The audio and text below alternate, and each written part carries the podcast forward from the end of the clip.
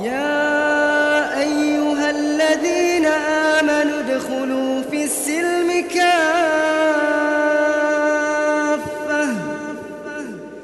ادخلوا في السلم كافة. ادخلوا في السلم كافة.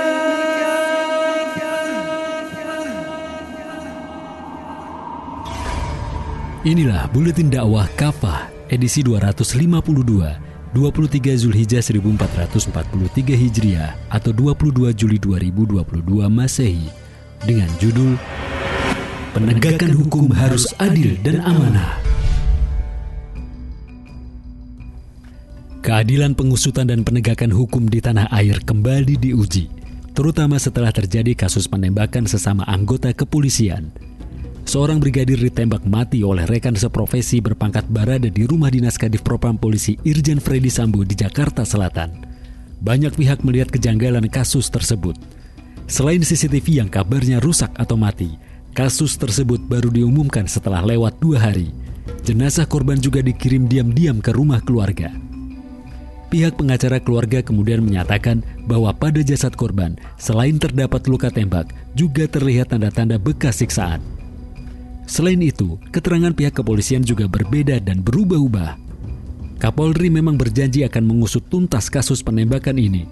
Namun banyak pihak bertanya-tanya, bisakah penegakan hukum pada kasus ini berjalan secara terbuka dan adil? Mahal dan susah. Slogan pengadilan banyak tetapi keadilan langka bukanlah pernyataan kosong. Banyak pihak merasa sulit mempercayai penegakan hukum di tanah air.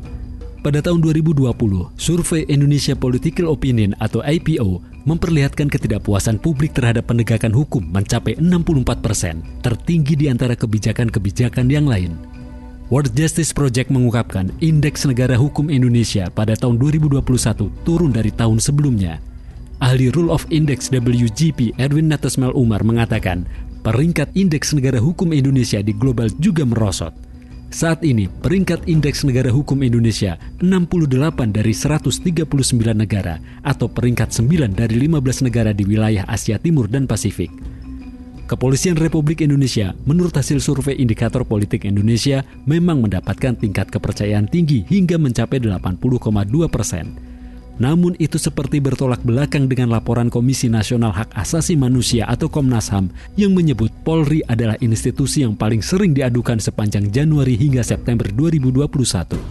Hal ini seperti tidak berubah.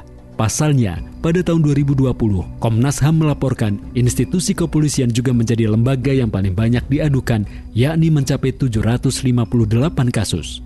Komisi Nasional untuk Orang Hilang dan Korban Tindak Kekerasan atau Kontras juga mencatat setidaknya terdapat dugaan 81 penyiksaan dan tindakan tidak manusiawi dilakukan aparat yang terjadi sepanjang Juli 2020 sampai Mei 2021.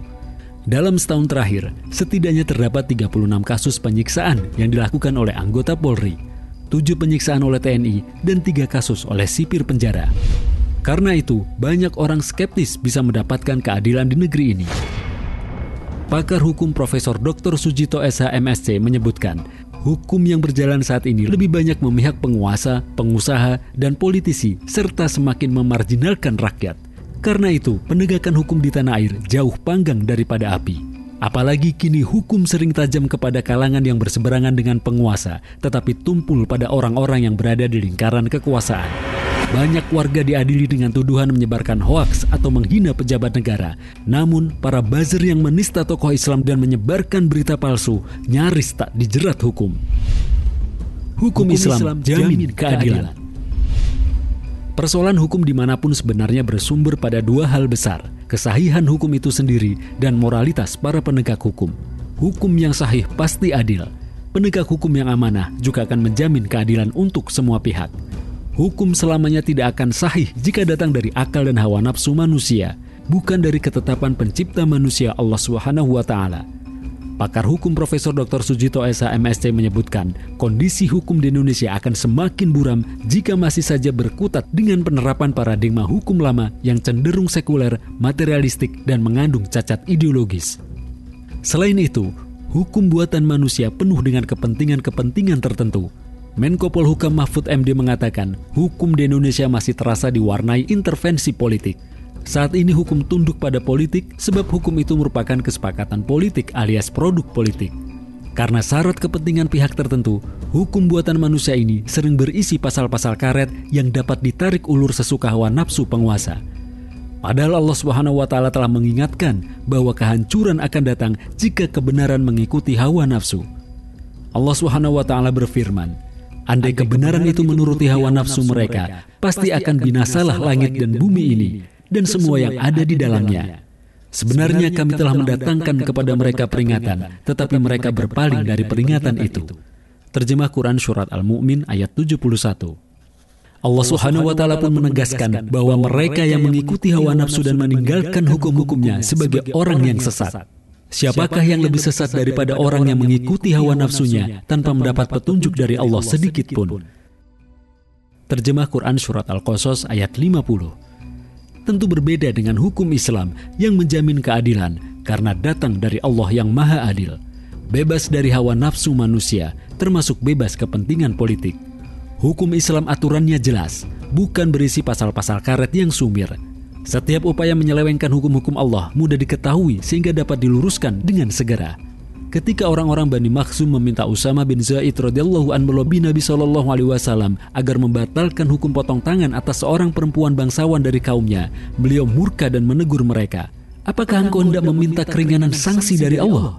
Lalu beliau berkhutbah, Sungguh yang telah membinasakan umat sebelum kalian adalah jika ada orang terhormat dan mulia di antara mereka mencuri, mereka tidak menghukumnya. Sebaliknya, jika orang rendahan yang mencuri, mereka tegakkan hukuman terhadapnya. Demi Allah, bahkan seandainya Fatimah putri Muhammad mencuri, niscaya aku sendiri yang akan memotong tangannya. Hadis riwayat Al-Bukhari. Karena itu tidak ada hukum yang bisa menciptakan keadilan kecuali hukum-hukum Islam. Allah Subhanahu wa taala berfirman, "Apakah hukum jahiliyah yang mereka kehendaki? Hukum siapakah yang lebih baik daripada hukum Allah bagi orang-orang yang yakin?" Terjemah Quran surat Al-Maidah ayat 50. Syekh Wahbah Al-Zuhaili menerangkan, Ayat ini bermakna bahwa tak ada seorang pun yang lebih adil daripada Allah Subhanahu wa taala, juga tak ada satu hukum pun yang lebih baik daripada hukumnya. Wajib bersikap amanah. Keadilan hukum juga menjadi sulit karena pudarnya sikap amanah penegakan hukum. Komisi Yudisial mengungkap, mulai tahun 2005 hingga Agustus 2018, terdapat 19 orang hakim yang diciduk KPK Ironisnya, 10 di antaranya merupakan hakim ad hoc tipikor. Kepolisian juga tidak bebas dari masalah internal. Data Divisi Bidang Profesi dan Pengamanan Mabes Polri menyebutkan lembaga ini syarat dengan persoalan. Setidaknya ada 1.694 kasus yang termasuk dalam pelanggaran disiplin, ditambah 803 kasus terkait kode etik dan 147 kasus pidana pada Januari sampai Oktober 2021. Padahal amanah adalah satu syarat utama penegakan keadilan. Aparat penegak hukum wajib menegakkan hukum tanpa pandang bulu, meski berhadapan dengan rekan satu korps, termasuk atasan. Allah Subhanahu wa Ta'ala telah memerintahkan kaum Muslim untuk menunaikan amanah dengan sebaik-baiknya. Sungguh, Allah menyuruh kalian menyampaikan amanah kepada pihak yang menerimanya, dan jika kalian memutuskan hukum di antara manusia, putuskanlah hukum dengan adil. Terjemah Quran Surat An-Nisa ayat 58. Hanya saja, mengharapkan sikap amanah bermunculan di tengah masyarakat sekuler ibarat menggantang asap. Pasalnya, amanah ini hanya muncul jika keimanan menjadi landasan kehidupan. Sikap amanah jadi langka di tengah masyarakat sekuler. Sikap amanah erat dengan keimanan adanya hari penghisapan dan pembalasan di akhirat kelak. Imam Malik bin Anas dalam kitab Al-Muwatta meriwayatkan, bahwa suatu ketika Nabi Shallallahu Alaihi Wasallam mengutus Abdullah bin Ruahah radhiyallahu an untuk memungut hasil panen buah-buahan kaum Yahudi Khaybar. Rupanya mereka telah bersekongkol untuk menyuap Abdullah bin Ruahah supaya meringankan pungutan tersebut. Untuk itu mereka telah mengumpulkan perhiasan kaum perempuan mereka sebagai sogokan. Melihat sikap kaum Yahudi tersebut, Abdullah bin Ruahah marah lalu berkata, Wahai Yahudi, demi Allah, kalian adalah makhluk Allah yang paling kubenci. Bukanlah hal itu yang mendorongku untuk berbuat zalim kepada kalian. Sungguh suap yang kalian berikan adalah haram. Kami tidak akan memakannya. Kaum Yahudi kemudian terkejut lalu memuji beliau. Dengan inilah tegak langit-langit dan bumi. Wahai kaum muslim, Pahamilah bahwa hukum sulit untuk ditegakkan dengan adil dan amanah selama aturan Islam tidak ditegakkan. Hukum yang datang dari rahim sekularisme telah cacat sejak lahir, penuh dengan kepentingan para pembuatnya. Di sisi lain, sikap amanah dan adil hanya bisa tumbuh subur dan berkembang dalam kehidupan Islam, bukan dalam peradaban sekularisme dan kapitalisme seperti saat ini. Alhasil, keadilan dan penegakan hukum yang amanah hanya terwujud dalam kehidupan Islam.